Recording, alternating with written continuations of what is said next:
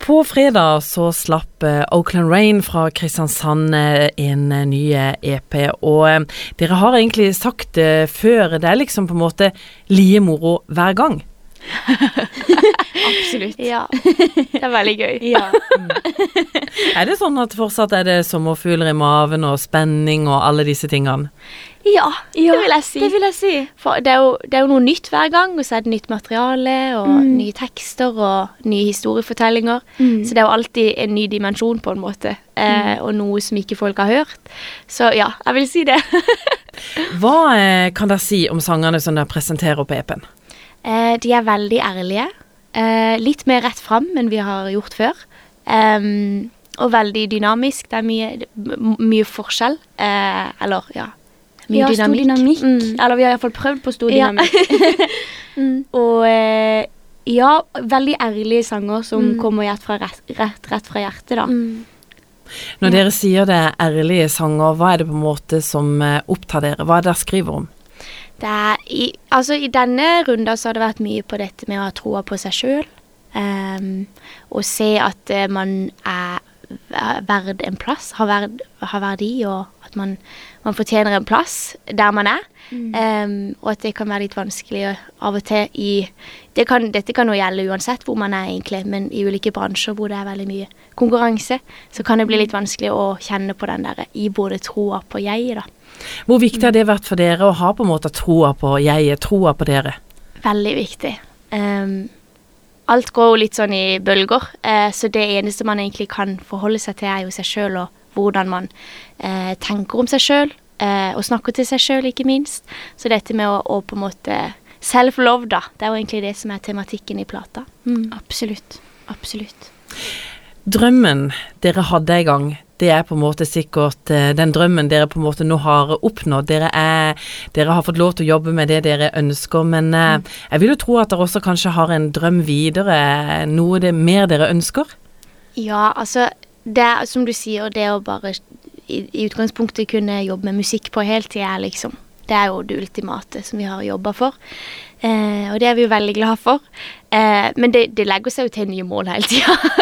så vi jo liksom, har jo lyst til å bare skrive mer og mer og mer, og, og koble musikken til ulike ting. Sånn som eh, oppsetninga i, i, i Fjæreheia, det er en helt ny oppgave. Altså alle disse nye dimensjonene, da. Eh, som gjør at eh, vi får nye utfordringer og, og strekker oss. Um, så det er egentlig bare det å, å, prøve å ta prosjekt for prosjekt og gjøre det absolutt beste vi kan på hvert sted. da. Mm. Og så prøver vi jo å finne den balansen at, det, at en klarer å være til stede her og nå og nyte de tingene som skjer her og nå, og samtidig at en strekker seg etter noe fordi det er veldig sunt. Mm. Mm. Så det er liksom hele tida en sånn ja. balanse vi prøver å ja. hjelpe hverandre da, med, mm. å, med å, finne. Ja, og da kommer du òg veldig eh, tilbake til det med å eh, samtidig som man jobber for å nå nye mål, eh, at man også har det bra her og nå med seg sjøl. Ja, absolutt. Ja, at det er veldig viktig. Veldig, veldig viktig. det er veldig lett å tenke mm. et kapittel fram hele tida, men det å prøve å, å være mm. til stede her og nå tror jeg er veldig viktig for at ikke en plutselig ser tilbake, og så har en egentlig bare sett framover gjennom ja. hele reisen og ikke egentlig sett rundt seg. Mm. Så det er absolutt noe vi fokuserer på og prøver å liksom være til stede her og nå også. Mm.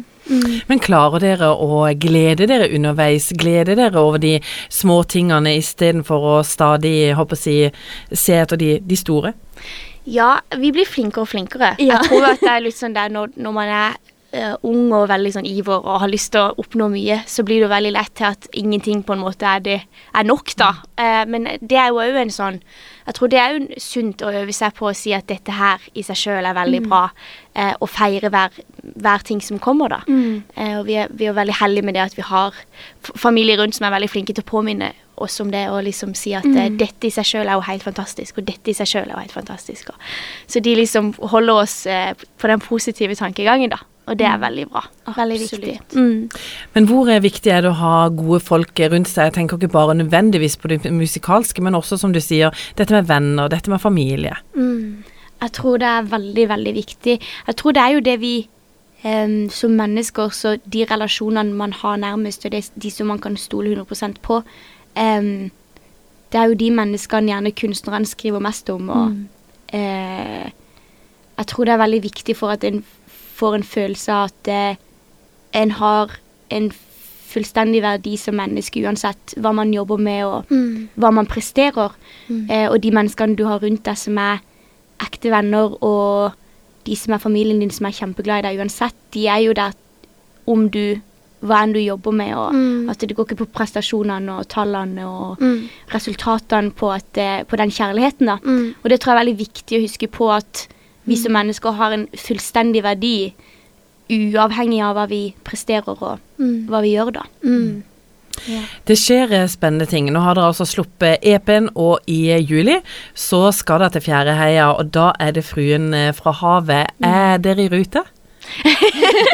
Ja, vi er i rute. Ja. Vi har skrevet materiale fra ja, det musikalske materialet. så Men hvordan har det vært å på en måte skrive musikk? Vi snakker om Ibsen. Ja. Mm. Um, vi, det var jo absolutt um, Vi måtte absolutt gå noen uker før vi på en måte eh, kom, landa litt og, og kunne begynne å på en måte gå inn i det som, som Altså det litterære og i det hele tatt. Fordi at eh, man begynner egentlig med å ha så høye skuldre fra begynnelsen av og tenke hvordan, hvordan skal vi approache. Men, eh, men jeg tror da er vi tilbake til det med at eh, man må liksom tilbake i den der troen på jeget, og at dette skal gå bra. Dette, dette kan vi klare. Um, men, men det er jo en, en, en fin balanse mellom det å på en måte hele tida være ydmyk og skjønne at man, man jobber med noe som er større enn seg sjøl, eh, men samtidig ha troa på at man kan levere noe, da. Og så er det jo eh, å skrive på norsk. Ja. ja, det, det, er det, er, det er en overgang, det, altså. Mm. Vi har, eh, vi har skrevet litt norsk underveis i prosessen, men vi har ikke sluppet noe norsk. Um, og nå har det vært veldig fokus på å lage en samling låter som Altså noe som vi på en måte Det skal være en sammenheng mellom de ulike sangene, samtidig som de skal ha hver sin identitet. Mm. Eh, og det å skulle skrive noe som, som skal fremføres i sammenheng med Ibsens eh, verk, er jo på en måte Ja. eh, Vi er veldig fylt med ærefrykt. Ja, ja. Eh, men jeg tror det handler mye om at eh, vi har vært opptatt av at vi kommer jo fra et perspektiv som 23-åringer. Mm. Og jeg tror eh, Amalie, teatersjef i Kilden, Mm. syns at det var noe av poenget, at det skulle være en yngre stemme som kommer inn og, Mm. og leser stykket og eh, tolker dette stykket fra vårt perspektiv. Ja. Og at eh, at òg det kan være en styrke i det, da. Mm. At, at ikke en tenker at det er feil. Mm. At en kommer inn som, som Mm. noen unge Ja. poler. ja.